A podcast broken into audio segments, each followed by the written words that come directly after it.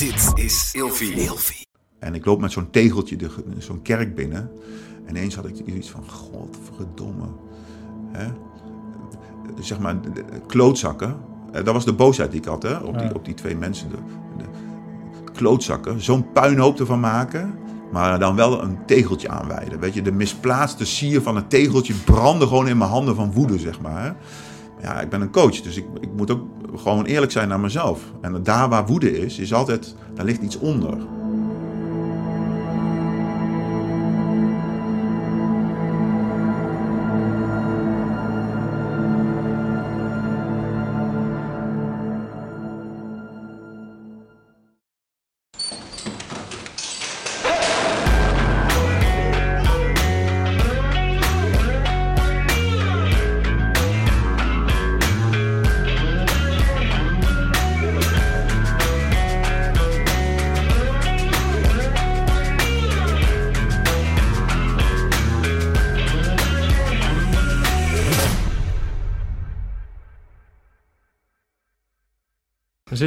Maandagochtend. Hè? Dat zijn we niet gewend. Nee, Nee. nee. Maar we zijn er allemaal weer bij.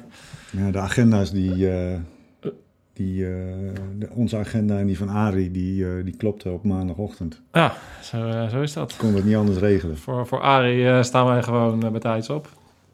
Ja.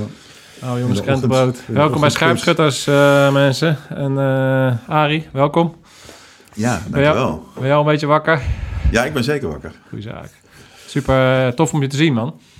Een tijdje geleden. Ja, klopt. En eh, hoop, eh, we zijn eigenlijk allebei rond dezelfde tijd de baas verlaten en ondernemer geworden op onze eigen sporen. En ik denk dat we allebei een turbulente tijd achter de rug hebben. Klopt dat bij jou? Ja, bij mij zeker. Ja.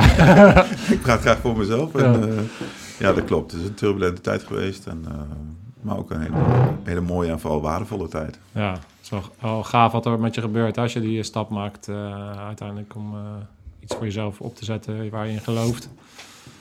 Hoe, hoe, eh, hoe is dat voor jou geweest om weg te gaan? Om weg te gaan bij, bij Defensie. Ja? Ehm, ja, ik moet heel eerlijk zeggen, ik heb altijd geweten dat ik die organisatie weer zou gaan verlaten. Ja. Ik zeg altijd, het is het mooiste loondienstverband wat ik ooit heb gehad. Daar sta ik nog steeds voor. Maar ik heb ook altijd het gevoel, dit is niet iets wat ik de rest van mijn leven blijf doen. En daar wil ik de organisatie niet mee tekort doen, want ik vind het een prachtige organisatie. Ehm, maar ik voelde gewoon dat, eh, dat mijn tijd daar eindig zou zijn. En ja, dus in 2007 heb ik het pand verlaten en eh, ben ik voor mezelf eh, uiteindelijk begonnen in 2009. Ja. Ja, en je duikt in een proces waarvan je aan de ene kant eh, ehm, voor jezelf bepaalt, ja, dit wil ik ermee bereiken. Dus ik heb ook eh, eigenlijk aan de voorkant wel een soort van eh, manifest voor mezelf geschreven van hey, dit, dit wil ik gaan doen en eh, dit wil ik daarmee bereiken.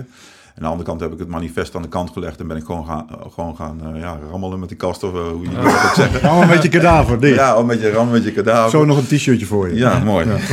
en, eh, ja, dus ik ben gewoon aan de gang gegaan. En eh, eh, dan zie je ook gewoon gelijk precies hoe het altijd is. Eh, eh, je kan van alles plannen, maar de praktijk is weer barstig. En eh, je weet eigenlijk helemaal niet zo goed eh, aan de voorkant waar je aan begint. Nee. En het is wel grappig, want ik heb vorig jaar het manifest er nog weer eens een keer bijgepakt. En eh, ik zit eigenlijk best wel op koers. Dus dat is wel, wel grappig eigenlijk. Maar dat is best wel, want, want jij gebruikt zelf... ik zal je heel verkort, de mensen die jou niet kennen... die kennen jou misschien wel via Bo en de veteranen.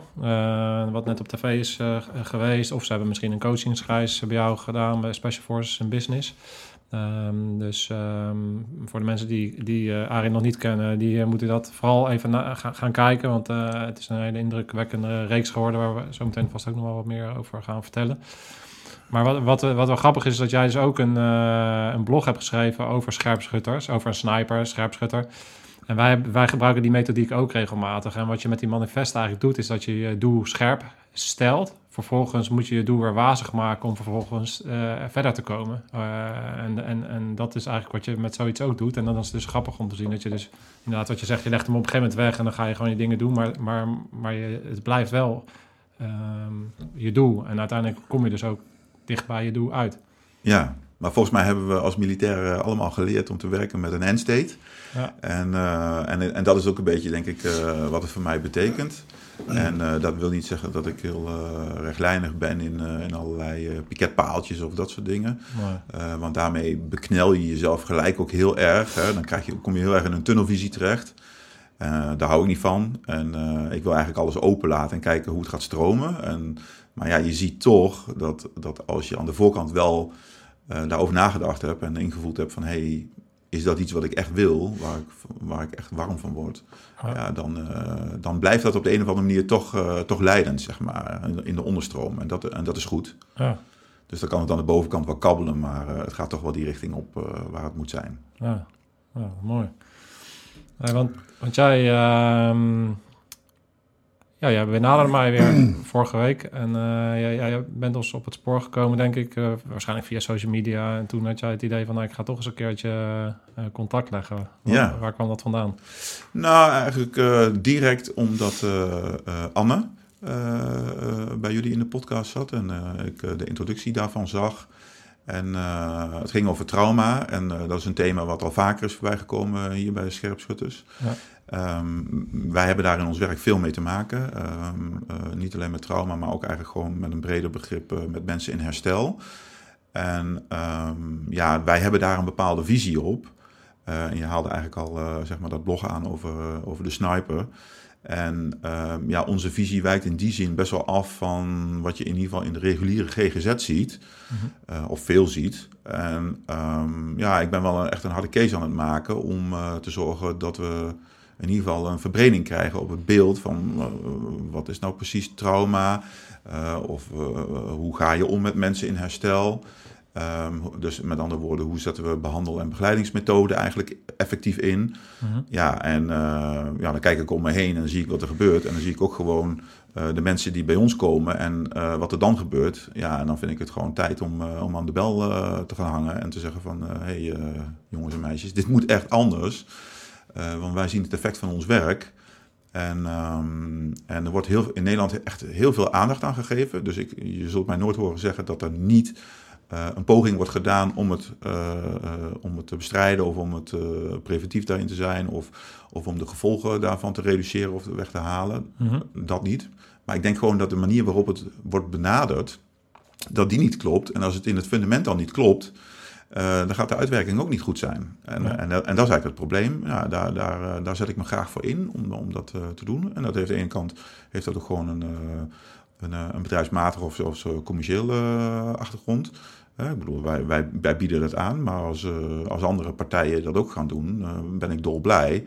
Want in de kern wil ik gewoon graag dat we beter gaan kijken naar hoe dit nou eigenlijk werkt. Hoe dit fenomeen eigenlijk in elkaar steekt.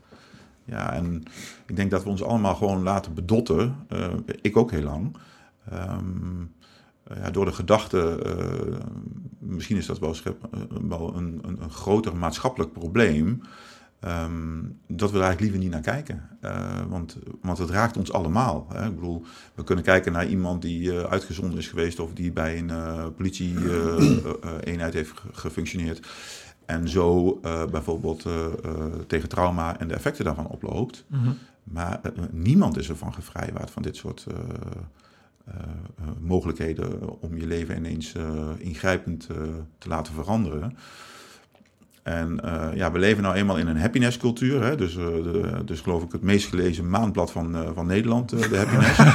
ja, en, en als je tv kijkt, dan moet het ook altijd een, een happy end hebben. Of op, daar, op de een of andere manier op lijken. Maar we willen liever ons gauw daarna weer omdraaien en weer verder gaan. Als je in Amsterdam jezelf laat masseren, dan moet er ook een happy end hebben. Dus, Ja, precies. Dus, nee, maar kijk, dat is, wel, dat is wel triest dat we in een maatschappij leven waarbij het meest gelezen maandblad eh, gaat over altijd maar gelukkig en succesvol zijn. Ja. Eh, want wat je daarmee doet, is eigenlijk volledig negeren wat, eh, wat Jung zei. Dat is namelijk, als je niet je donkere kant omarmt, zul je nooit heel zijn. Ja. Dus het streven naar, naar eindeloze stroom van geluk en, en succes is eigenlijk jezelf ontnemen dat je ook mag falen. Dat je ook, dat je ook ongelukkig kunt zijn. Dat je ook pijn in je draagt. En als je Ja. dat niet kunt accepteren eh, vanuit de maatschappelijke tendens, omdat je dan eigenlijk gewoon een suffetje wordt. Hè, want als je de happiness leest, dan ga je niet gelukkiger worden. Je gaat eigenlijk al steeds meer denken: hey, die mensen die lukt dat blijkbaar wel, waarom lukt dat mij niet? Net, Ja. Die mensen die dat beschrijven, die dat wel lukt, die liegen. En de mensen die dat lezen, die worden daarmee eigenlijk gewoon verder naar beneden gedrukt. Ja. Dus, Arne, je ziet het ook veel in, eh, in eh, programma's. En eh, voor mij, ik weet niet of we dat in de podcast hebben benoemd, maar wij hebben dat zeg maar eh, wel eens vaker besproken. Dat zeg maar eh, eh, op sociale media, op televisie, eh, wordt er heel veel vanuit een, een negatieve conjunctatie wordt, worden positieve gevoelens neergelegd. Dus je hebt een programma over te dikke mensen waar Ja. je naar kijkt. En, en ja, dan vind je jezelf ook een beetje te dik. Maar zo dik ben ik ook weer niet. Dus voel je je beter. Of over lelijke mensen, Ja. en, en et cetera, et cetera. Mensen die niet kunnen klussen. Ja, en, En en waarom is Goede Tijden al, ik weet niet hoeveel seizoenen, ik geloof mm, 25 jaar of zo, misschien wel langer zelfs, eh, zo'n goed bekeken programma. Het is gewoon iedere, iedere dag een half uur intunen op de ellende van een ander, zodat je eigen leven net iets draaglijker wordt of zo. Ja, dat is toch echt heel gek. Ja, ja en, eh, en ik herken heel erg eh, wat je zegt, dat, eh, dat, dat eh, positief denken is dan zo'n ding. Hè? En eh, ja, als je maar, je moet jezelf dan aanleren om altijd positief te denken. En als je, dat, als je daarmee eh, aan de slag gaat, eh, als je dat, dan kan je, je bent vanuit jezelf wat negatiever, dan kan je jezelf daar vreselijk eh loer draaien. Omdat je, als je, dan heb je het gevoel van, ah, ik denk steeds niet positief. En dan ga je alleen nog maar negatiever denken over jezelf. Dus je moet kijken van, waarom heb ik dan überhaupt negatieve gedachten? En dat zit veel dieper dan dat je alleen maar in de uitvoering eh, positiever moet gaan denken. Want dat heeft een averechts effect. Maar totaal niet zelfs. Ah, Sterker nog, hè, je zou kunnen zeggen, er is eigenlijk helemaal geen positief of negatief. Ehm, er is gewoon wat er is. Hè. Eh, eh, ik- het is een mooi voorbeeld. Het is een collega, eh, Mark, die, die jij ook kent. Eh, eh, we hebben daarmee samen in Afghanistan gezeten. En ehm, eh, ik had vorig jaar, om, je zei al van ik heb een turbulente jaar achter de rug. En dat is ook echt zo. Ehm, en ik ben daar heel open over. Hè. Dus op Facebook zet ik niet alleen maar glorieuze verhalen over Nee. hoe fijn mijn eten is en hoe leuk ik het op vakantie heb. Maar ik zet er ook gewoon eh, mijn diepe zielenroerselen neer. En ja, mensen vragen wel eens aan mij, waarom doe je dat? Dus ik, nou ja, weet je, eh, het is mijn keuze om dat wel of niet te delen. Eh, het, het zit ook nog eens een keer vast aan wat ik doe in mijn werk. Dus ik vind het ook ergens een vorm van schijnheilig dat ik net zou doen alsof bij mij alles koek en ei is. Dat is helemaal niet het geval. Ehm, dus ja, ik, ik, ik deel dat. En toen kreeg ik eh, eh, niet als reactie, dus zichtbaar voor iedereen, kreeg ik via de PB kreeg ik een eh, berichtje van deze beste man. En die zei: Goh, Harry, ik, ik volg je eigenlijk al een hele tijd. En ik dacht dat je heel erg zen was. Maar ik lees dit en ik schrik heel erg. Want eigenlijk is er van alles en nog wat aan de hand. En toen, ja, toen schreef ik terug naar hem. Ik zei, ja, ja, dankjewel voor je bericht. Ik vind het super dat je dat zo aangeeft. Maar wel één ding. Eh, zen betekent niet dat je gelukkig of eh, succesvol bent. Zen betekent dat je aandacht hebt voor wat er is. En ja, dit is wat er nu is in mijn leven. Het wil niet, helemaal niet zeggen dat ik het niet wil hebben. Het wil ook helemaal niet zeggen dat ik het ergens ook niet de schoonheid ervan kan ervaren. Maar het doet gewoon pijn. Ja, weet je, pijn hoort ook bij het leven. Als we dat uit die yin en yang eh, constellatie trekken en we zouden alleen maar naar het licht kijken, ja, dan vergeten we dat het licht alleen maar kan ontstaan doordat er ook donker is. En, Ja. En ik, ik, ik wil gewoon graag aandacht voor beide hebben. In, in ieder geval in mezelf, maar ook in mijn werk voor, Ja. voor de mensen die wij mogen, mogen begeleiden. Ja, ik vind, dat, ik vind het heel erg krachtig. En eh, jij noemt uh, Jung ook. En ik heb ook wel eens eh Pietersen natuurlijk aangenoemd, die ook veel refereert naar, naar, naar Jung. En Ja. wat ik daar, die, die benoemt dat ook. Ehm, als we bijvoorbeeld kijken naar vreselijke gebeurtenissen zoals de nazi's in de Tweede Wereldoorlog of eh, de, de, de, de school shootings in Amerika. Om dat echt daadwerkelijk te kunnen begrijpen, eh, terrorisme, Bataclan, noem, noem het maar op, zul je eh, moeten afdalen naar de donkere eh, kelders en, Ja. en daar een licht op durven te schijnen. En dat is, dat is geen pretty sight. Nee. En, en ik denk dat dat maatschappelijk dan is en dat, dat dat voor iedereen geldt. Dat je, dat, kijk, er is niks krachtigs aan een goed mens zijn als je alleen maar een goed mens zou zijn. Je, het is pas krachtig en eh, als je een goed mens bent, als je weet dat je in staat bent om een heel erg slecht mens te zijn. En toch, eh, Ja. toch een, een goed mens bent. Ja. Ik denk dat, dat, dat die dualiteit heel erg eh, bizar is. En, eh, Maar dat- die zitten in ons allemaal. Hè? Ik bedoel, onderzoeken tonen het aan. Er is ook een heel mooi onderzoek gedaan in hoeverre iedereen in staat zou zijn om te moorden. Het gaat alleen maar om de drempel. Wat heb je nodig om tot dat punt te komen? ja. En dan blijkt dat iedereen eh, ergens die drempel heeft liggen. En de een misschien iets hoger of lager dan de ander, maar dat maakt helemaal geen moer uit. We hebben dat allemaal in ons. Die dualiteit is een onderdeel van ons. Ja. Ja, en nou goed. Ja, kijk, en wat je zegt, er is nu een hele mooie serie op Netflix, Mindhunter. Ik weet niet of jullie het gezien ja. hebben. Ja, fantastisch, hè? Ja, Echt fantastisch. ja. En een, een mooie uitspraak, in, in, eh, ik weet niet precies de vijfde of zesde aflevering, dan gaan ze ook weer naar zo'n naar zo iemand toe om dan te interviewen. En hun baas zegt dan van, ja, wat, wat, wat doen jullie toch bij die lui? Ze zijn gewoon krankzinnig. Die moeten gewoon eh, of levenslang opgesloten of op de stoel. Wat hebben we eraan? En, dan- en dan zegt die, die jonge, de jonge hoofdrolspeler, die zegt dan van, ja, maar om krankzinnig te begrijpen, moeten we, moeten we naar krankzinnig toe. We, we kunnen ze wel alleen maar betitelen als krankzinnig, Ja. maar dan kunnen we ze ook nooit voor zijn. We moeten echt in de geest van die krankzinnige kruipen. Daarom staan we juist open om, om ze vragen te stellen. Ja, Ja. En ja, je bedoel, dit speelt dan in de jaren zeventig, maar je ziet ook wat voor beweging dat dan opgeleverd heeft om om te gaan met bijvoorbeeld zoiets als eh, eh, dit soort ernstige vormen van misdaad. Maar je ziet ook in de, wel in de, in de psychiatrie en in de, eh, eigenlijk ook wel in de psychologie, zie je natuurlijk toch steeds meer de beweging om, eh, eh, nou ja, zeg maar even, in de krant staat dan zeg maar de verwarde man. Hè? We ja. hebben het altijd over de verwarde man. Het is ook wel grappig, want je zou kunnen zeggen, wie is nou eigenlijk verward? Degene die dat dan op dat moment zo doet op straat, of de mensen die daar omheen staan en niet begrijpen? Wie is nou eigenlijk werkelijk verward?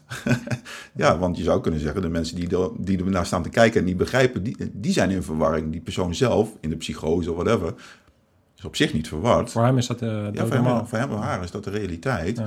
En eh, hoe lastig dat voor ons ook is, het is allemaal onderdeel van mens zijn. We, Ja. we zijn allemaal niet perfect, hè? Dus eh, Nee. ja. Ja. Ja, ja, ik vind het, eh, ik kan daar eindeloos over praten. Dat is ook eh, waar onze eerste podcast denk ik ook wel een beetje naartoe ging. En eh, Ja, nou, die zit er ook nog steeds in, hè? ja. Kracht zit hem in herhaling, Arie. ja. Maar ik vond het heel mooi om te zien, eh, het gesprek wat jullie met elkaar hebben gevoerd over, eh, over gedrevenheid. Ik heb daar teruggekeken en eh, ik vond het heel mooi om, om de vragen die jullie eigenlijk jezelf wilden en durfden te stellen. Ehm, ja, dat toont al kwetsbaarheid en ook dat onderzoek, zeg maar, dat is ook mooi en dat is ook waardevol. Dus eh, ja, Ja. toen dacht ik, ja, fantastisch, dat wil ik graag. eh. Ja. Ja, dus ik heb mezelf eh, eigenlijk geïnviteerd om, om hier te komen en met jullie in gesprek te gaan over dat soort thema's. Kijk, ik, ik ben zo meteen heel erg benieuwd naar wa- wat er dan mis is. Hè? Op de visie zoals het nu toegepast wordt, waar je, waar je het net over, over had. Maar voordat we daar verder op ingaan, ehm, ben ik ook benieuwd dan... eh, want je geeft al aan, nou, ik ben gewoon open en bloot. eh, laat ik zien eh, wa- wa- wat er bij mij speelt. Ehm, heb jij... Wanneer is dat bij jou ontstaan, die, die zelfreflectie? En wanneer, hoe, is dat, hoe is dat ontwikkeld? Waar kom jij vandaan en hoe is dat gekomen tot het punt waar je nu bent? Kan je daar... Ja, ik wilde wel iets over vertellen. Ja. Ehm, gaan we wel het half uur van die camera overschrijden, denk ik. Nee, ja, hoe is het gekomen? Kijk, eh, laat ik, eh, laat, eh, het is een niet-chronologisch verhaal. Dus ik hoop dat, dat de mensen die deze podcast kijken daar even wat coulance voor hebben. Ehm, ik, ik heb ruim 12 jaar, over een periode van 16 jaar overigens, maar ik heb ruim 12 jaar bij Defensie gezeten. En toen ik daar wegging, toen kreeg ik de kans om een soort van assessmentperiode in te gaan. Dus ik heb, ben vier maanden lang onder begeleiding van iemand echt bij mezelf voor de eerste keer pas naar binnen gegaan. Toen was ik dus al 35, kun je nagaan. Dat was de eerste keer dat ik echt bij mezelf naar binnen ging. En, ehm, maar we kwamen wel een aantal laagjes dieper, maar nog lang niet in de buurt van waar ik nu eh, af en toe eh, eh, mag vertoeven. En waar ik in ieder geval achter kwam was dat ehm, datgene wat ik allemaal normaal vond aan mezelf en aan de wereld, dat dat niet per se heel erg normaal was. En toen ging ik weg bij Defensie en ik zei al van daarna ben ik uh, uh, fulltime voor mezelf aan de slag gegaan in de, in de coaching. En uh, ik heb een achtergrond, ik kom uit de, uit de Achterhoek, opgegroeid in het platteland als een buitenjochie. En uh, daarna heb ik uh, in de sport het een en ander gedaan, met name training coaching, vooral coaching, mentale begeleiding van sporters, van topsporters, van jonge talenten die profcontract hadden getekend, om dus dan naar het hoogste niveau moesten groeien. Uh, een wereld als de mariniers. En toen kwam ik ineens in het bedrijfsleven als coach terecht. En voor mij was het heel erg makkelijk, want ik was altijd gewend om te werken met mensen die de lat super hoog legden. Voor, voor zichzelf en voor de ander. Oh. En ineens kwam ik uh, in de wereld van de normale mensen.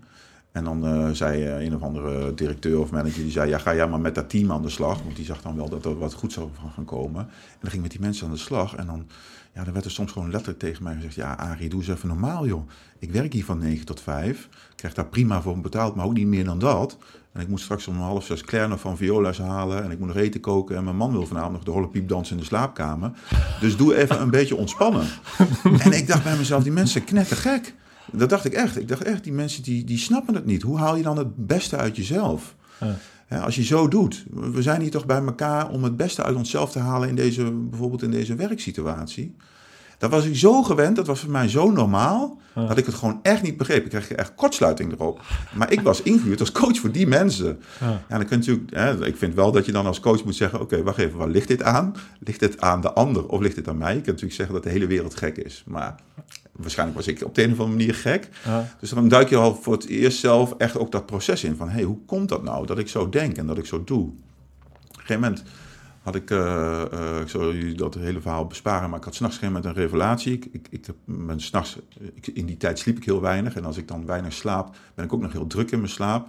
Iemand had mij ooit geleerd, als je dan wakker wordt en je hebt allemaal wilde ideeën, leg gewoon een boekje naast je bed, schrijf het erop en dan kun je het van je afleggen en dan kun je weer verder slapen. Dat was een gouden, gouden tip, dat werkt ook echt voor mij. En ik had, op een gegeven moment had ik een, een stuk tekst eh eh, s'nachts. Ik werd wakker en ik had die stuk tekst eh, ik had mijn telefoon gepakt, want het was ondertussen de smartphone-tijdperk. En ik had die tekst naar mezelf getypt, gemaild. En ik heb weer weggelegd en ik ben weer verder gaan slapen. En ik word 's morgens wakker, ik, ga, ik had een afspraak en ik kom daarna weer terug. Ik zet mijn computer aan en ik zie mijn eigen mailtje binnenkomen. En ik lees die tekst en ik werd echt gewoon in mijn gezicht geslagen. Gewoon door die tekst. Want die had ik dus blijkbaar s'nachts aan mezelf geschreven. En het ging er eigenlijk heel simpel over. Dat was in 2011 dat ik een enorme muur om me heen had. En dat raakt me ook wel nog steeds hoor, dat ik, dat, dat ik, dat ik daar op dat moment achter kwam. En die muur die was gewoon echt fucking dik en hoog. En dat was zeg maar dat wat tussen mij en de wereld in stond. En dat dan moet je je voorstellen, dan kom je dus ergens bij jezelf in een bepaalde laag terecht waar je nog nooit bent geweest. En ineens realiseerde ik mij dat. Dus ja, eh, gedreven als ik dan ben om dat woord maar eens te pakken, dan gaat die muur gewoon gesloopt worden, punt. Ja, dat is dan gewoon mijn, mijn nieuwe doel. Dan ga ik daarmee aan de slag. En eh, jarenlang mee aan de slag geweest, allerlei wegen gezocht om die muur te kunnen slopen. Totdat ik ergens eind 2017 er ineens achter kwam. Hé, wacht even, zolang ik die muur aan het afbreken ben, institutionaliseer ik hem nog steeds in mezelf. Want dan is het nog steeds dus blijkbaar een muur. En hoe, hoe lang duurt dat proces eigenlijk om hem af te breken en om te slopen? Moet ik niet gewoon afstand doen van de muur? Dat is een hele andere beweging maken. Dan zou je zeggen, ja, wat is dat nou voor een, een zweverige prietpraat of, of, of metaforisch gelul? Ehm, maar toch heb ik die beweging gemaakt door echt in mezelf het zaadje te planten. Nee, die muur, daar ga ik afstand van doen. Ik ga hem niet meer slopen. Ik ben er gewoon niet meer mee bezig met die muur. Ja. Ik moet, ik moet een andere beweging maken. En vanaf dat moment is, zijn heel veel dingen voor mij ook echt in een stroomversnelling geraakt. Dus daar waar ik jarenlang bezig was om heel langzaam te kijken, kom ik in verbinding met mezelf en met de ander. Ehm, ineens ging dat ja, alsof je zeg maar van een heel rustig stroompje in een soort van kolkende rivier richting een waterval eh, gaat. Zeg maar. dat, dat was echt de beweging die het was. Ja. Ja, en in april vorig jaar ging ik eh, naar, eh, naar IJsland met een coachingsreis. Ik moet er even bij vertellen voor de mensen die dat niet weten. Wij organiseren coachingsreizen, maar wij zijn, eh, we hebben heel erg het lead by example principe vanuit Defensie overgenomen. Ja. Dus wij gaan als coaches altijd al voorop in die beweging van ontwikkeling, van verandering, van herstel. Dus wij doen ook gewoon mee in de processen. Wij doen mee in de gespreksvormen, in de activiteiten. Wij zijn niet gevrijwaard van de impact van die reis. En ik ben op IJsland. En eh, we lopen daar een, eh, een kerkje binnen. Er zingt het IJslands koor. Je kan daar niks van maken, want ik versta die taal niet. Dus het resoneert enorm in je lijf. En we hadden allemaal iets bij ons, eh, deelnemers en coaches. Iets waar we dan afstand van doen, waar we afscheid van nemen. Ik wist eigenlijk helemaal niet wat ik mee moest nemen, maar ik had mijn geboortetegeltje bij me. Ik had dat mee, maar ik wist nog niet waarom ik dat bij me had. Het voelde wel goed, maar ik wist eigenlijk niet precies waarom dat dan goed voelde om dat op dat moment mee te nemen en daar achter te laten in die kerk. En ik loop die kerk binnen en dat koor begint te zingen. En er ontstak een woede in mij ineens. Een woede die ik niet kende. Die, waar ik nu nog steeds ook wel door aangetikt word. En het ging ineens over, zeg maar, echt de kern van mijn bestaan. En ik kwam er ineens achter dat het verhaal, wat ik heel veel mensen, en ik heb het ook hier gehoord in de podcast over gedrevenheid. Lieve mensen, gaan we allemaal een keer, nog een keer terugkijken. Ehm, want dan gaat het over, zeg maar, weten waar je vandaan komt. Dus dat is echt wat anders als je in de cognitie zit. Dus ik weet wel wat mijn jeugd op me gebracht heeft, of ik weet dit en ik weet dat. Ik denk zus en ik denk zo. Maar ineens kon ik alles voelen. Het verhaal wat ik al tien jaar lang vertelde over waar ik vandaan kwam, hoe mijn jeugd eruit had gezien, kon ik vertellen alsof ik boodschappen deed bij de Albert Heijn. Al mijn verhalen over een missie in Afghanistan en wat je daar allemaal tegenkomt, kon ik droog vertellen. Gewoon een soort SOP geworden. Ja, ik, ik wist het allemaal. En ineens kon ik, kon, ik, kon ik echt de kern van mijn jeugd kon ik voelen. Of althans een deel van die kern. En dat was de enorme boosheid die ik had ehm, over het feit dat... Ja, ik, ik, ben, ik, ben, een, ik ben een ongelukje. Mijn, mijn ouders die, die wilden geen kinderen, maar dat gebeurde. En in de jaren 70, begin jaren 70, twee boerenfamilies. Dan is het eigenlijk gewoon, dan trouw je. Dus mijn, oude, mijn moeder staat met een dikke buik in de trouwjurk op de foto. En, ehm, en dat is nog niet zo erg, zou je zeggen. Maar een aantal jaren later gaan mijn ouders uit elkaar. Een enorme vechtscheiding. En ik was het ongelukje waardoor het huwelijk ontstond. Ik was dus ook eh, op de een of andere manier voor mezelf. Hè? Niet, helemaal niet per se zeg maar, de realiteit. Maar voor mezelf was ik de aanleiding ook van de scheiding. En mijn moeder ging weg. En, eh, en ik bleef bij mijn vader, met mijn zusje bij mijn vader achter. En ja, er zijn eigenlijk dus, zeg maar drie overtuigingen die de, die de brandstof zijn geweest voor alles wat ik daarna in mijn leven heb gedaan. Dus, ja, A, één, ik had er niet moeten zijn.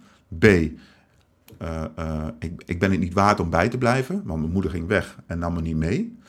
En C, de laatste, de derde, ehm, ik doe het nooit goed genoeg, want ik heb al mijn hele, hele jeugd, eigenlijk tot op de dag van vandaag, eh, wel de boodschap meegekregen dat wat ik ook doe, eh, ik nooit zeg maar eh, het gevoel van trots vanuit mijn vader eh, heb mogen ervaren. Dus ik heb alles geprobeerd om zeg maar naar zijn gunsten te dingen en altijd was de boodschap dat het niet goed genoeg was. En als, je dat, als die drie kernovertuigingen in mij zijn gekomen en ik loop met zo'n tegeltje zo'n kerk binnen en ineens had ik iets van godverdomme. Hè? Zeg maar, klootzakken. Eh, Dat was de boosheid die ik had hè? Op, die, op die twee mensen. De, de klootzakken. Zo'n puinhoop ervan maken. Maar dan wel een tegeltje aanwijden. Weet je, de misplaatste sier van het tegeltje brandde gewoon in mijn handen van woede, zeg maar. hè. Maar Ja, ik ben een coach, dus ik, ik moet ook gewoon eerlijk zijn naar mezelf. En daar waar woede is, is altijd, daar ligt iets onder. En dat is verdriet en dat is pijn.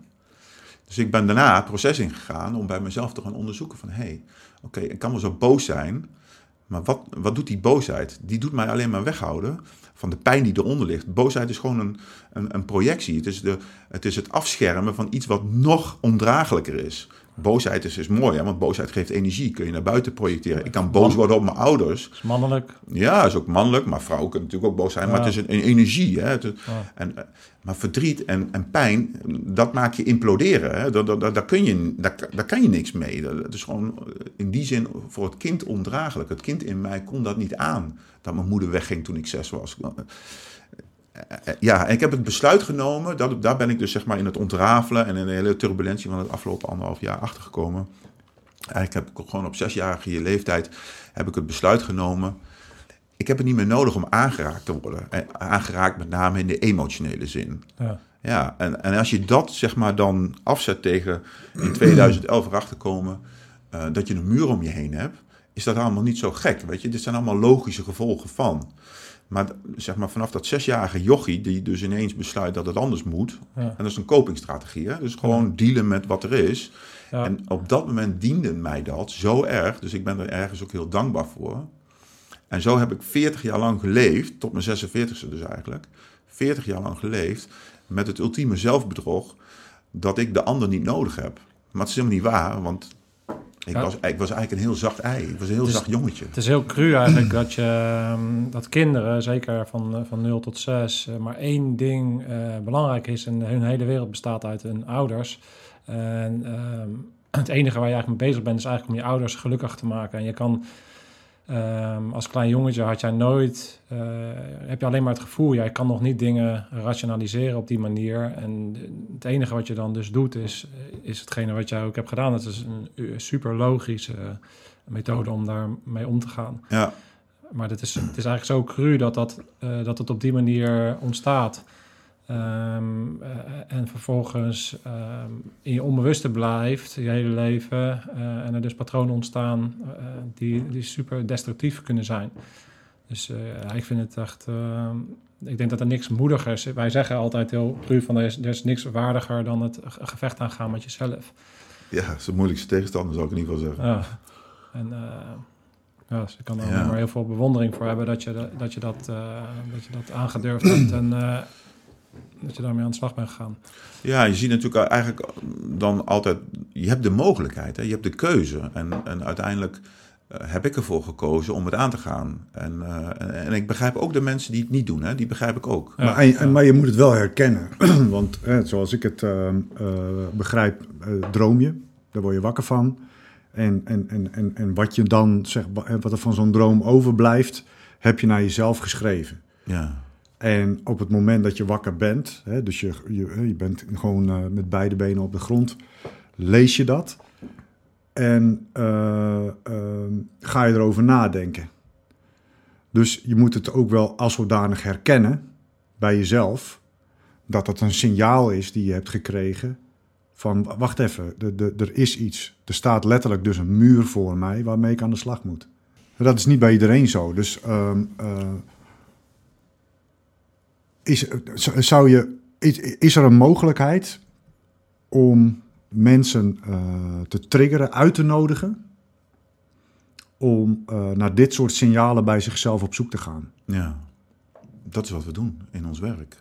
Bij Special Forces Business, als wij mensen meenemen op reis in een outdoor setting, creëren we door die outdoor setting en de activiteiten die we daarin doen, creëren we een omgeving waarin de veiligheid en vrijheid ontstaat om, eh, om dit soort signalen als eerste eh, eh, terug te halen of te activeren en om daar naar te kijken. En dan vervolgens om te bepalen wat doen we daar eigenlijk mee. Ja, het gaat ook over de bereidheid, hè? Dus, Ja, natuurlijk. Maar en, en, en is het dan zo dat, hè, de, je zegt outdoor setting, is het dan, hè, want zoals ik dat dan zie, want je ziet nu veel meer mensen, hè, met name oud-militairen, dit soort projecten ontplooien. Is die, die, dat, eh, die outdoor, dat buiten zijn, is dat dan een, eh, eh, de, de manier om iemand zeg maar echt weer in zijn primaire status te brengen? Zo van, hè, de, basis van waar het als mens ooit begonnen is, is in je blote reet in een grot.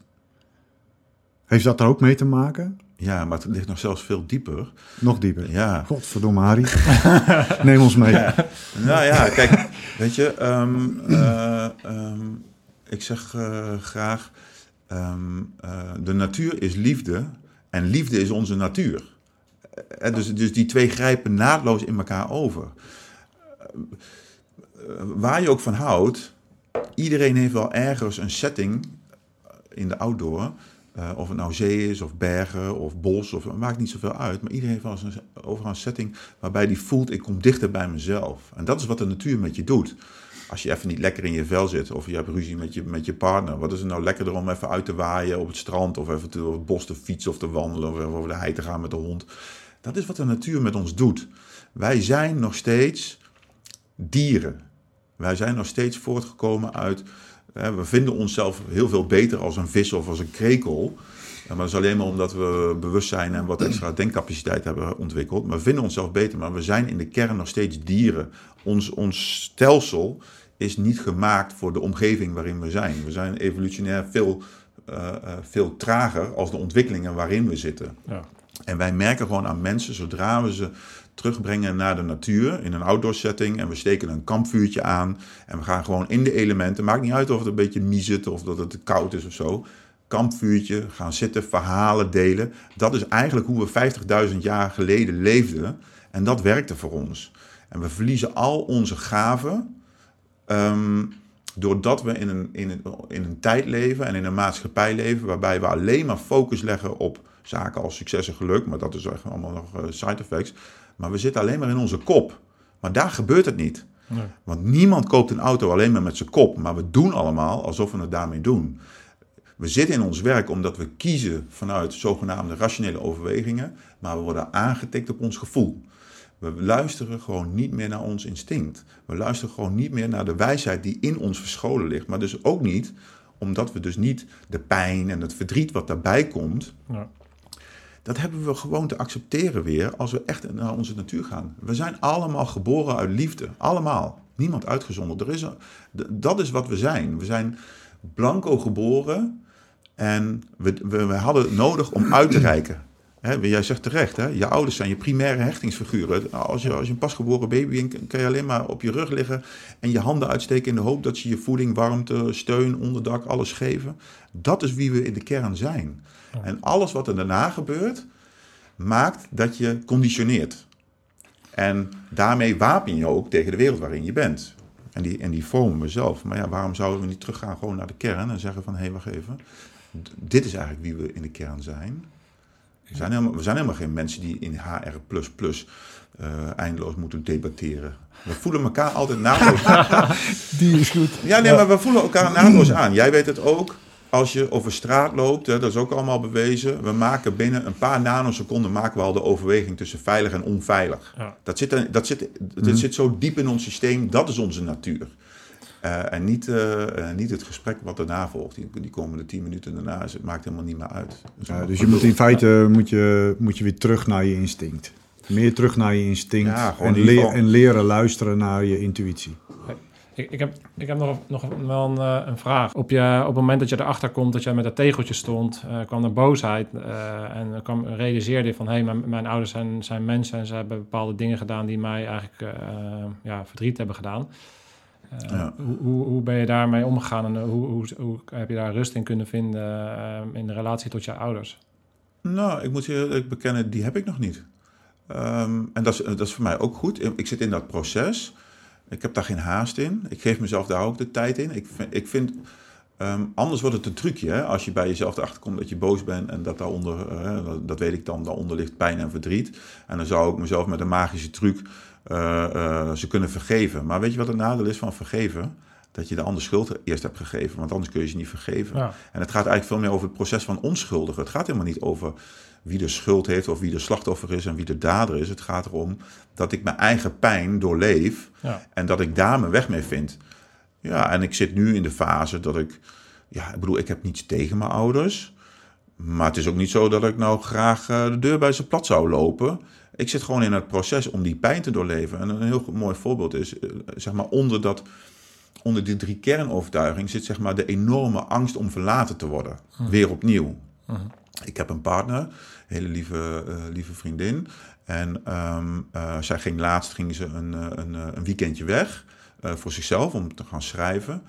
En we waren daarvoor even op vakantie geweest. En na die vakantie en, de, en tussen haar, haar weekendje schrijven zat een paar dagen. En op een gegeven moment zei ze tegen mij van, is er iets? Toen zei ik, nee, nee, nee, er- er is niks. Hoezo? Ja, ik merk iets aan je. Maar ik merkte niks aan mezelf, hè? En ze zei, ik heb toch het gevoel dat er iets is. En ik zei, nou, er is echt niks. En er was echt geen leugen in de zin van dat ik me niet bewust was van dat er iets was. Maar naarmate de tijd vorderde en ik steeds dichter bij dat moment kwam dat ze uiteindelijk in de auto stapte om naar, eh, naar Texel te rijden. In één keer stond ik bij die auto. Ik had haar geholpen met die eh, koffertje erin en zo en eh, nog even een zoen geven. En toen keek ze me aan, toen zei ze, je bent heel erg verdrietig hè. Ja, ik voel het nu weer.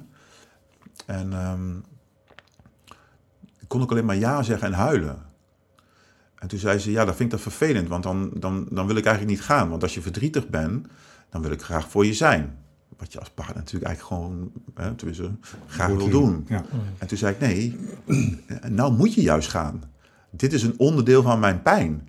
Want het verdriet gaat helemaal niet over een 47-jarige man die zijn 39-jarige vriendin naar Texel ziet rijden. Ik voel nu gevoelens die voortkomen uit eh, dat ik zes jaar oud ben en mijn moeder rijdt weg en die komt nooit meer terug. Dat is wat ik voel. Ik voel dat pijn van dat jochie voel ik weer. En als jij nu hier blijft, dan gaat die dan dat weer weg. Laat me, geef me het recht om dat te voelen.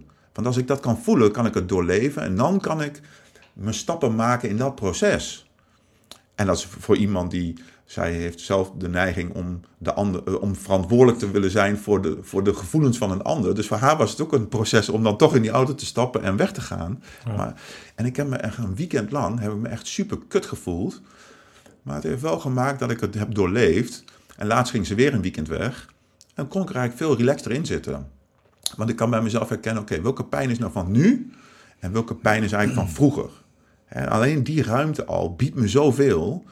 En ik weet gewoon dat als ik kijk naar wat ik allemaal meemaak in mijn werk, en of het nou in de business-to-business setting is of in die coachingsreizen, mensen reageren op een bepaalde manier, vaak ingegeven toch door pijn.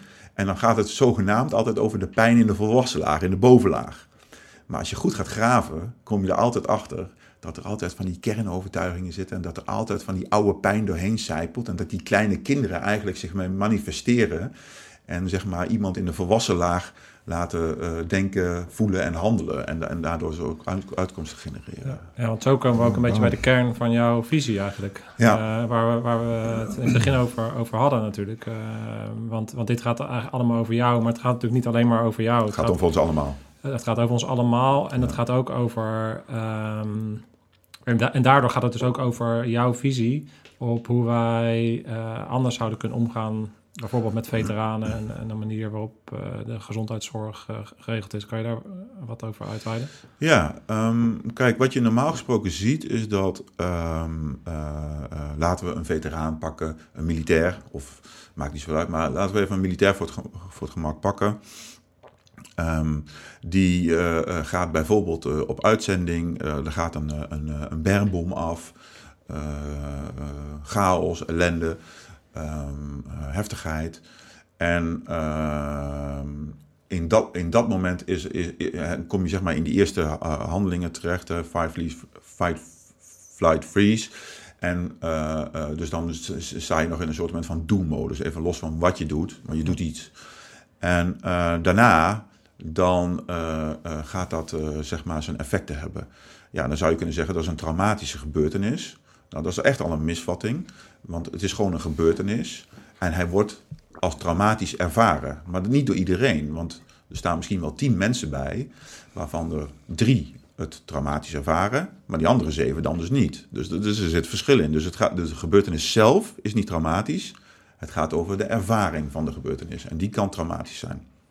Dat is een belangrijk element om vast te pakken. Vervolgens ga je op basis van het ervaren van een traumatische gebeurtenis, um, uh, ga je eigenlijk in jezelf mechanismen uh, uh, weer aanha aanhalen of, of terughalen die je al ontwikkeld hebt. En die worden, ik zeg dan altijd, die worden in de overdrive gezet. Die worden gewoon tot de max aangesproken, omdat het zo heftig is. Dus de manier waarop jij op jonge leeftijd heb geleerd om bijvoorbeeld met, met pijn of verdriet of angst of jaloezie of het maakt niet uit, maar afwijzing. Al die thema's die allemaal in zogenaamd in het negatieve spectrum liggen. De manier waarop je daar als heel jong kind mee te maken hebt gekregen en waarmee jij toen de eerste keer een, uh, een, een breinpad aanmaakte. Hè? Een neuronenverbinding in je brein die dus gewoon zegt: oké, dit is het antwoord op deze situatie. De strategie. Ja daar ontwikkel jij mechanismen uit en daar komen ook weer patronen uit voort. En als jij uh, uh, op je knie valt als je twee bent en je hebt pijn, dan is dat voor een kind van twee op dat moment het allerergste in de wereld. Jij, jij hebt ook kleine kinderen, je ja. weet hoe dat werkt. Um, uh, maar het is natuurlijk niet in vergelijking met een bermbom, waarbij er bijvoorbeeld drie mensen dood zijn en twee gewonden zijn. Maar dat maakt helemaal niks uit voor het kind. Want het kind heeft gewoon dat pad aangemaakt en gaat het opnieuw gebruiken. Alleen omdat het zo heftig en zo angstig is, dan wordt het zeg maar vergroot. Maar het is nog steeds hetzelfde pad. En um, wat je dan ziet is dat eigenlijk um, dan komen al die mechanismen weer omhoog, maar versterkt.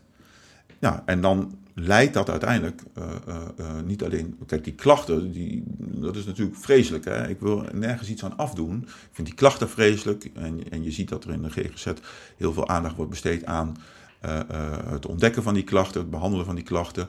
Maar ook aan het verzamelen van klachten om te komen tot diagnoses. En wat doet een diagnose? Geeft aan de ene kant heel veel. Um, ja, ik, ik hoor dat vaak van mensen dat ze zeggen: ja, het heeft me heel erg geholpen. Want het uh, want het geeft me in ieder geval duiding. Hè? Bijvoorbeeld bij PTS, PTSS kun je dan zeggen: Oké, okay, ik, ik sliep slecht en vaak verergeren die klachten. En dan krijg, op een gegeven moment krijg je die diagnose. Het geeft ergens ook een vorm van opluchting: van oké, okay, ik, ik ben niet gek. Dit is gewoon wat er aan de hand is. Ik heb PTSS. Ja. Maar het leidt ook door de manier waarop het het, eh, het, het, het hele gezondheidsstelsel is ingericht, leidt het ook ehm, tot stigma en zelfstigma. Op een gegeven moment word je PTSS. Ja. En je wordt ook veel in het systeem gehospitaliseerd. Dus, dus je, je- ergens word je er ook ingezogen en mag je er ook niet, bijna niet meer uitkomen. En, eh, en dan werken zeg maar dit soort eh, eh, ehm, ehm, ehm, eh, eh, mechanismen en patronen kunnen, niet altijd, maar kunnen ook tegen je werken. Ja. Als je gaat kijken, nou, je had het al over Bo en de veteranen. Er gaan zeven veteranen mee met PTSS. En eh, we gaan een week lang met die mensen op pad. Dat is overigens ook wel een, iets, van, iets van een voortraject geweest hoor. Dus het is niet helemaal blanco dat we daar in Noorwegen dag één beginnen. Nee. En ik denk dat de meeste mensen, ook naar aanleiding van die tv-uitzendingen, nog steeds het beeld hebben dat we het dan hebben over die missies en over die bommen en over die vreselijke momenten die ze daar hebben meegemaakt en hoe erg dat is en welke klachten ze hebben gehad en wat voor impact dat heeft gehad op hun leven daarna. En misschien ook wel dat ze daar dan niet goed in begeleid zijn of whatever. Maar de realiteit is eigenlijk gewoon dat we het in die reis of in, dat zo, in zo'n proces eigenlijk heel weinig, of misschien zelfs niet over die missies en over die bommen en over die uitgemergelde kindjes hebben. Maar eigenlijk veel meer over, hey, oké, maar hoe ben jij eigenlijk opgebouwd? Hoe zien jouw strategieën eruit? Hoe zien jouw mechanismen en patronen eruit? Want als een mensen effectief wil behandelen en begeleiden om weer eh, eh, kwaliteit van leven te ervaren of om weer vol in de maatschappij te komen staan, is dat vele malen effectiever. Hè, dat stuk richt op het persoonlijk herstel dan alleen maar naar de hele tijd naar, de, naar die gebeurtenis kijken, hem als traumatisch betitelen en vervolgens vooral heel veel gaan doen aan symptoombestrijding. Ja, Kijk, ik, je zal mij nooit horen zeggen dat EMDR bijvoorbeeld niet werkt. Het werkt hartstikke goed. Het, het reduceert klachten. En als iemand daardoor bijvoorbeeld minder herbelevingen heeft of ze, of ze zijn minder, eh, minder heftig, Ehm, en daardoor kunnen ze bijvoorbeeld beter slapen. Hey, dat voegt enorm toe aan het ervaren van kwaliteit van leven. Want als jij wel fatsoenlijk slaapt, ben je overdag ben je wat beter bestand tegen alle andere heftigheid die nog steeds op je afkomt. Ja. Maar de illusie dat, het, dat je daarmee van PTSS afraakt, is onzinnig. Want het blijft altijd die psychische kwetsbaarheid. En één helikopter of één geurtje of één op zich onschuldig ding eh, Ja, in de ja. toekomst. Dus. Trek je al, de trigger komt altijd, weer, komt altijd weer naar boven. En hoe ga je daarmee om? En daar werken we eigenlijk mee. En dat zit hem veel meer aan de voorkant dan in alleen maar kijken vanaf dat moment en dan doorrekenen naar nu en de toekomst. Ja. Ja. Ja, want iedereen.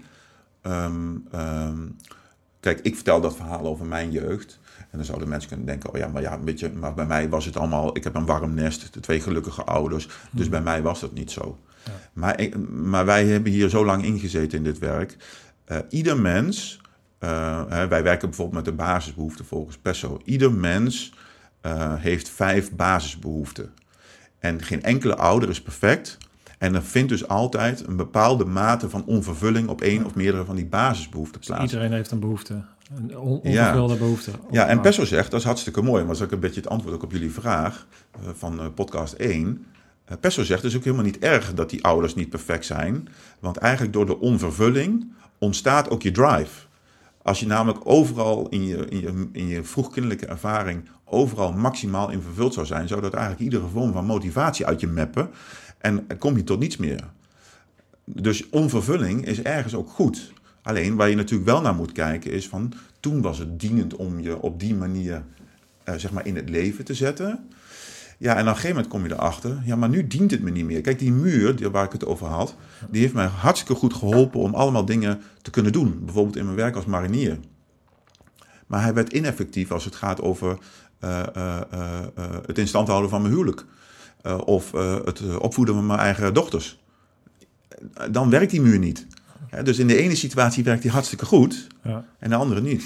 En mensen zijn ook altijd bang van, ja, maar als ik dan dat helemaal terugga, dan word ik een zacht ei. En dan kan Ja. ik- kreeg letterlijk die vraag hè, van die Ja. jongen. Die, die, die, die stuurde mij mijn eh, mailtje. En die zegt van ja, ik wil bij, de- bij de commando's. En ik had een gesprek en het ging over mijn vader. En eh, daar zit een hoop pijn nog. Dat ervaarde hij ook in dat gesprek. En hij vroeg aan mij van ja, ik ben, eh, wat moet ik daar nou mee? Want ehm, als, ik dat, als ik dat aanga, dan ben ik bang dat ik niet meer in staat ben om eh, binnen, binnen de korps commandotroepen eh, Te functioneren. te functioneren. Ja. Dus ik heb hem uiteraard aangegeven van dat er maar één ding belangrijk is. als je echt, je kan heel ver komen met die muur. ehm, eh, die je om jezelf heen, heen hebt gebouwd. zeker in zo'n harde wereld als het KZT.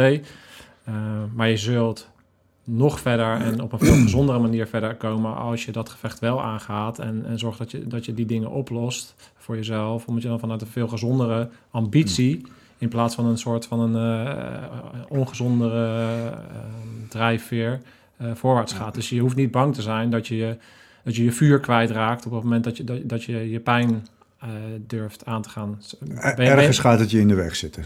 Ja, kijk, weet je wat het is? Ehm, als ik het dan even weer gewoon over mezelf mag hebben. Ik, ik besluit ergens, hè, dat is niet iets wat ik dan heel bewust doe, maar dat gebeurt meer in mijn subsysteem, zeg maar. Dat komt er, zeg maar, zo'n strategie. Hè. Ik heb het niet meer nodig om aangeraakt te worden. Dat is het begin van 40 jaar zelfbedrog. Maar 40 jaar zelfbedrog heeft me ook de kracht en de gave gegeven om allemaal waanzinnige dingen op te bouwen. Ja. Die kracht en die gave, die verlies ik niet als ik, het, als ik mezelf weer ontrafel en terugga naar mijn kern. Want ik ben nog steeds een goede ondernemer en ik kan nog steeds een prima verkoopgesprek houden. En als ik morgen iemand binnenkomt en, eh, en eh, we moeten gaan onderhandelen, ben ik die krachten niet kwijt. Ondanks dat ik veel meer zachtheid in mezelf heb gevonden. Want ik heb de keuze, ik heb ruimte gecreëerd in mezelf om te kiezen. En daar waar het eerst eendimensionaal was, gewoon vanuit, oh dit ben ik.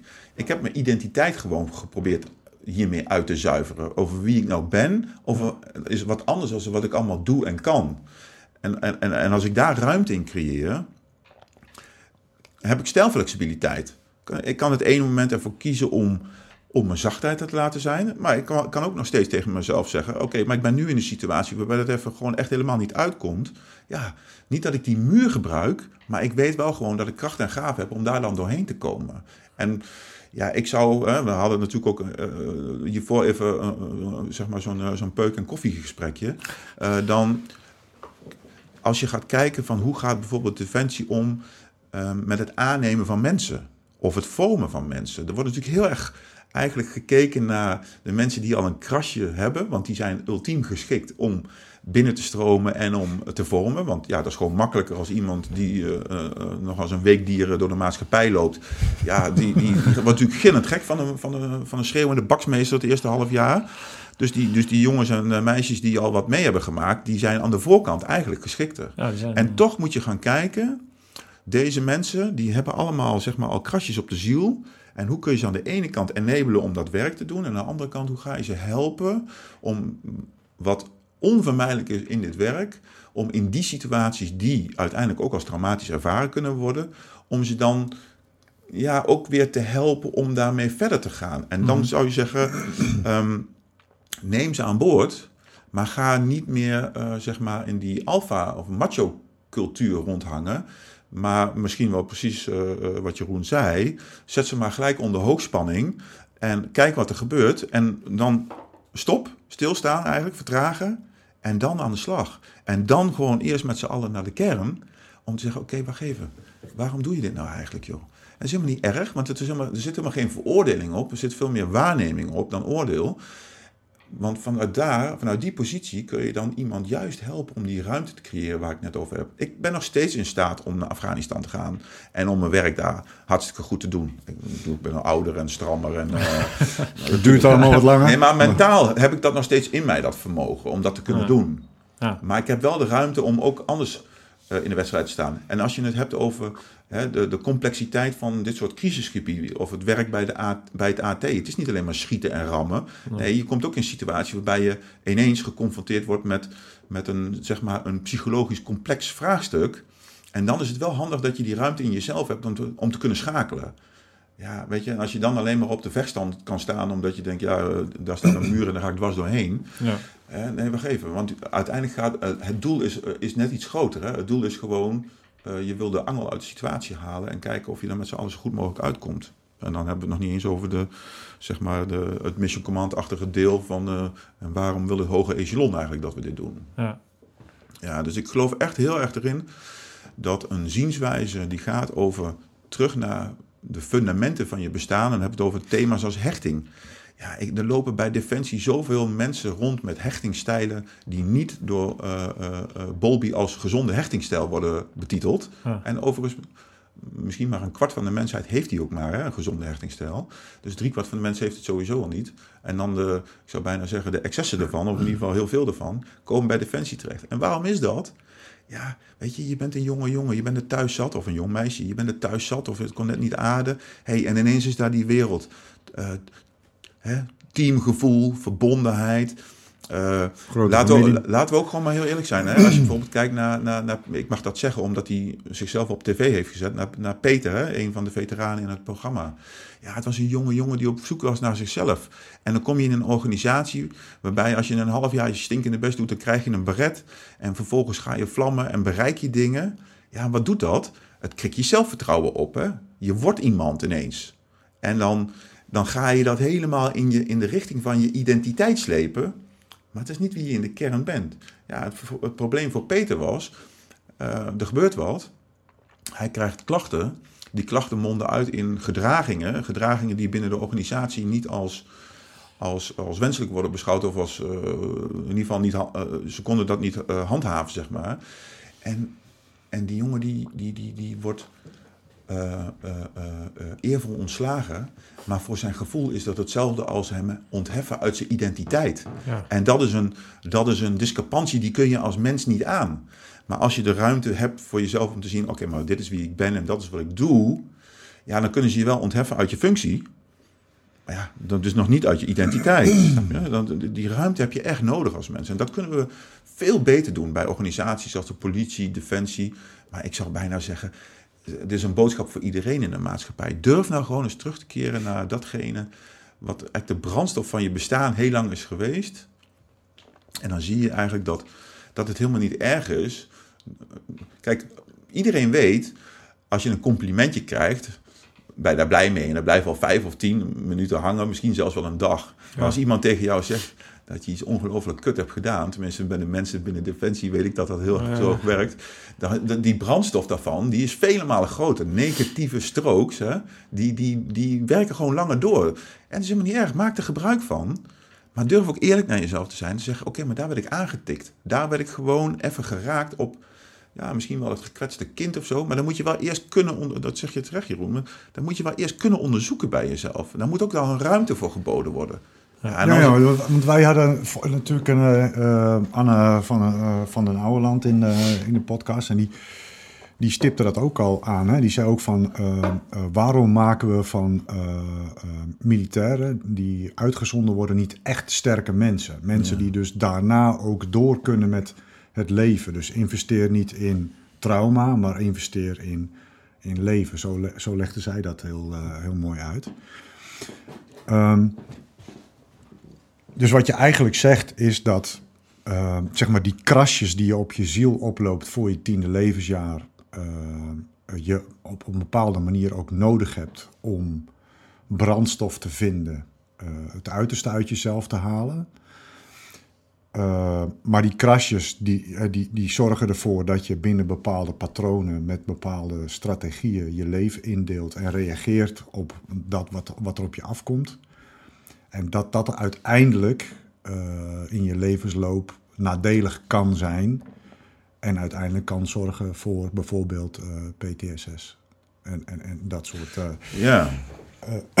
dus dat betekent eigenlijk dat je, wat jij nu zegt, dat je dus in, jouw, in de manier waarop je militairen opwerkt, hier aandacht voor zou moeten hebben. Als, als mensen bij politie-eenheden maar ook uh, bij defensieeenheden. Of ik denk in veel meer uh, uh, beroepsgroepen zicht zouden hebben bij henzelf op hoe dat, hoe dat deel van zichzelf, van zichzelf is opgebouwd. Dan gaat dat, gaat dat die organisatieresultaten ook enorm beïnvloeden. Dus het is ook in het belang van de organisatie en de doelen die ze hebben zelf om daar veel meer aandacht aan te besteden. Het is niet alleen voor de persoon zelf beter, maar het is ook voor die organisatie beter. Um, ja, ik bedoel, ik, ik, ik, zie natuurlijk ook wel eens die dumpert filmpjes. Ik vind ze vreselijk, maar, uh, maar ik zie ook wel eens die filmpjes van uh, hoe agenten op straat worden ge, getraineerd en uitgelokt. Ja, die uiteindelijk, wanneer escaleert het altijd? Op het moment dat ze ergens op worden aangetikt. En dat is, geloof mij, dat is altijd iets op wat heel erg kernachtigs is. En dan worden ze, dan worden ze eigenlijk ontlokt om ineens, dan, zeg maar, dan, je kunt natuurlijk zeggen, ja, een agent mag ook gewoon geweld gebruiken, want het is namelijk door de staat gemandateerd om dat te doen. Maar het gaat nog steeds om de vraag, is dat nou de beste oplossing geweest in dat moment? Ja. Ja, nee, eh, die vraag komt niet meer omhoog. Want op een gegeven moment eh, eh, is er hier ergens die kortsluiting ontstaan. En, en als je die ruimte in jezelf creëert, zal het veel minder gauw gebeuren. Dus ik geloof echt serieus ehm, dat, ehm, dat het enorm dienend is om te kijken van... hey, al die mechanismes die ik heb, wat van, waar komen ze vandaan? Dus welke strategieën liggen daaronder? En ehm, wat doet dat met mij? En wij zien in, de, in, in, in het werk wat wij doen, zien wij dat dat... Wij werken altijd zo. Dus, dus dat dat die mensen sowieso heel veel biedt. Ja, en ik geloof dat als je het hebt over het werk waar we het hier dan vandaag over hebben... Ja, dat dat ook gewoon onwijs veel eh, effectiviteit gaat opleveren. Een beetje, beetje cynische, cynische vraag misschien, maar de- denk je dat, eh, ook gezien de geschiedenis waarom we überhaupt legers hebben, dat het leger überhaupt gediend is ehm, dat mensen dusdanig eh, zelfbewust zijn? Of willen we eigenlijk gewoon jonge gasten, eh, vrouwen, die eh, een grote muur om zichzelf heen hebben gebouwd en gewoon doen wat ze opgedragen wordt? Ja, goede vraag. Eh 400 jaar voor Christus was er een Chinese generaal. Eh, die had een paar... eh, We gaan even een stukje terug in de tijd, dames en heren. We gaan even een stukje terug. Die had een paar wijsheden. Die schreef hij op eh 13 rollen. Eh, dat is later de of War geworden van Ja, eh Sun Sun Tzu. Hè. En, eh, en eh, zeg maar, een van de basisgedachten van Sun Tzu, voordat hij begon te schrijven, was... Als je nou zo goed wordt in strategie en in oorlog voeren, dat zo tot een kunst verheft, dan kun je winnen zonder strijd. Dan heb je eigenlijk dus zeg maar de daadwerkelijke oorlogsvoering niet eens nodig om datgene wat je als doel hebt te bereiken. Winnen zonder strijd. En ehm, eh, ik geloof echt heel erg in die, in die gedachte. En ik heb eh, heel veel boeken eh, daarover gelezen. En het heeft me steeds iedere keer teruggebracht tot... Oké, hoe werkt dat dan? Ehm, eh, he- heeft Defensie dat nodig? Dat is wel, oh, ja, nee, jij zei het mooi, want daarom moest ik al een beetje glimlachen. Jij zegt het leger. Ik, ik, ik, noem het altijd bewust Defensie. Eh, waarom? Omdat, kijk, eh, wij, wij noemen onszelf Special Force in Business. Dus wij verwijzen echt wel naar onze achtergrond. En Ja. eh, wij maken ook heel veel gebruik van heel veel waardevolle dingen. hè. Ik wil even dat wel helder hebben. Ik heb echt heel veel waardevolle dingen geleerd in die periode. En die nemen we graag mee en vertalen we naar het civiele domein. Maar in de naam Defensie zit al gebakken dat datgene wat het meest kostbaar en het meest kwetsbaar is, dat je dat ultiem verdedigt en op zijn minst ook heel erg goed camoufleert. En daar waar het in de mens, in de psyche, maar vooral ook in de emotionele wereld gaat over kostbare en kwetsbare zaken, heeft verdediging en camouflage heel weinig nut. Sterker nog, het maakt je ineffectief. En dat, en, en dat is dus een mooie duale van die organisatie. Aan de ene kant eh, hebben we vechtersbazen nodig, maar volgens mij hadden we iets eerder al geconcludeerd, de moeilijkste vijand ben jezelf. Hey, als je dan toch een eh, flinke uitdaging aan wil gaan, laat iedere militair er- eerst echt het gevecht met zichzelf aangaan. En dan bedoel ik niet of je, of je voldoende auspoef hebt eh, om een stormbaan over te gaan, of dat je flink genoeg bent om een of andere berg op te rennen. Nee, probeer psychisch, emotioneel maar eens het gevecht met jezelf aan te gaan. Want als je dat gevecht in ieder geval aan durft te gaan, daar een eind in komt. Ik zal niet zeggen dat je, dat je binnen een half jaar of een jaar eh, als, eh, als winnaar uit de strijd komt. Maar als je dat gevecht durft aan te gaan, weet je, dan, dan, dan, is, dan is de Taliban eh, is een lachertje. Ja, ja, dat is misschien gek gezegd, maar Ja. eh, ehm, daar gaat het in feite om. Want, want dan, heb je, dan heb je je eigen regie terug. Ik, het gaat mij om, de, om het autonome van het gedrag. We zitten allemaal te kijken naar ons gedrag. En ik stel altijd de vraag, hoe autonoom is dat? Want als daar iets onder ligt wat je zelf nog niet eens ziet... dan kun je wel zeggen, ja, maar zo ben ik of zo doe ik. Of ja, zo doe ik het altijd. Ja, nee, wacht even. Waar is je verbreding? Waar is je kans om te zeggen tegen jezelf van... wacht even, is dit wel het meest dienend? Is dit wel het meest effectief?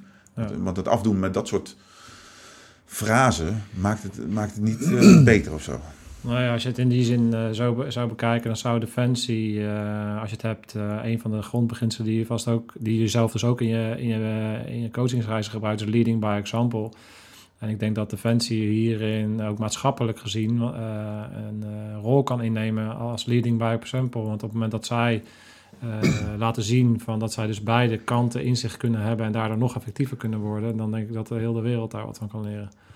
Ja, ik, ik geloof echt in die beweging. Maar, maar, ik, maar ik zie ook dat we hier te maken hebben met een organisatie die natuurlijk opgebouwd is uit mensen die met name als je naar de top gaat kijken, die zijn Ja. 20, 30 jaar geleden eh, eh, in het bedrijf gekomen. Die komen uit een hele andere Niet lullen, maar poetsen. beweging. Ja, dus, eh dus een traject van lange adem, maar, ik- maar ik geloof wel dat het kan. Ja. Ja. En, eh, en, en inzicht is in ieder geval altijd een stap, want op het moment dat je je in die zin eh, eh, bewust van bent, dan ga je, dus maak je de stap van onbewust onbekwaam naar hè, eh, bewust onbekwaam. Nou goed, dat is, dat is in ieder veranderproces eh, elementair om eh, te kunnen doen. Dus eh, bij deze. Een dingetje. Ja. Wauw, mooi, eh, mooie dingen, Arie. Ik, ehm, ja, wat, wa- eh, om een beetje richting de, afsluiting te gaan. Wat, wat, je hebt eh, een duidelijke visie. Je, hebt, eh, ehm, ja, je bent de strijd met jezelf aangegaan. En doet dat op een hele openlijke en waardige ma- manier. Vervolgens gebruik je dat ook om dus andere mensen te helpen ehm, binnen jouw bedrijf. En ehm, waar ga, heb je eh, dat manifest? he- heb je alles al bereikt of waar, waar ga je heen? En wa- wat is voor jou een, een eh, visie die, eh, die je nog gaat nastreven? Nou, ik ben momenteel, ik ga binnenkort weer eh, eh, naar IJsland en eh, een week later ga ik naar Vietnam voor eh, twee eh, eh, coachingsreizen. En ik heb voor mezelf nu als doel gesteld, ik moet met dat, eh, hè, dat, dat gevoel van verlating, zeg maar, dat is dan mijn persoonlijke thema waar ik mee aan de slag ga. Dus daar duik ik ook gewoon weer vol in. En, ehm, ja, en mijn manifest als het gaat over eh, ehm, het bedrijf of over wat ik, eh, eh, zeg maar, mijn footprint in, de, in deze wereld. Ja, als ik daar dan naar kijk, want die twee sporen liggen, liggen aan elkaar vast, hè? dus dat, dat, dat ligt ja, niet los. jij bent je bedrijf.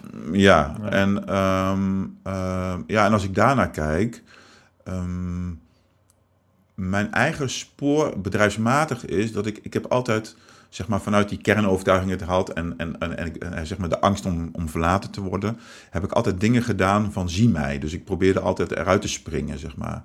En, en het mooie is dat ik dus nu steeds meer rust ervaar en steeds meer ruimte ervaar om eigenlijk te kunnen zien van, ah ja, maar ik deed dat eigenlijk alleen maar om gezien te worden. En de onvervulling eh, die ik heb, die gaat over mijn ouders. En eh, jij en de rest van de wereld gaan er nooit voor zorgen dat ik gezien word op de manier zoals ik dat vroeger als klein kind wilde. Ja. Dus, dus ik moet stoppen met, deze, met het najagen van dit, deze onvervulling. Ik moet gewoon accepteren dat ik, die, dat ik die ergens in mij voel. En wat dat met mijn bedrijfsmatig doet, ik, ik, ik, ben, een, ik ben, ben mijn rol aan het bekijken in het bedrijf. Ik zie, wat, ik zie wat mijn waarde is, ik zie ook wat mijn tekortkomingen zijn. Dus er, er gebeurt heel veel ook in het bedrijf. En ik denk dat Special Forces and Business in die zin eh, een mooie beweging aan het maken is. Van een club die, eh, nou ja, eh, zeg maar, jaren geleden nog gezien werd als die moeten we hebben om mijn sales team te drillen en, en, en mentaal veerkrachtig te maken. Naar veel meer naar de kern gaan, veel meer fundamentele van aard te worden. En eh, het gaat over de speciale krachten in jezelf, die je dan uiteindelijk ook bijvoorbeeld in je bedrijf, in je team, in je organisatie neer kan zetten. En ik, weet je, dat is een beweging waar ik, die ik graag maak. Onze missie, visie, maar ook onze belofte van ons bedrijf is verandering is altijd mogelijk. Punt. Ja. En ehm, als, me, als je me dan vraagt, maar wat is dan verandering? Dat is natuurlijk nog een enorm containerbegrip. Kijk, verandering is, we zien dat alles toch wel verandert. Hè? Dus, dus de wereld om ons heen draait en, en verandert. Is een continuum. Maar als je naar jezelf kijkt of naar je eigen organisatie kijkt, en daarom kwam ik ook terug op die eerste podcast, je maakt allemaal bewegingen, maar je eigenlijk toch weer terug naar de kern.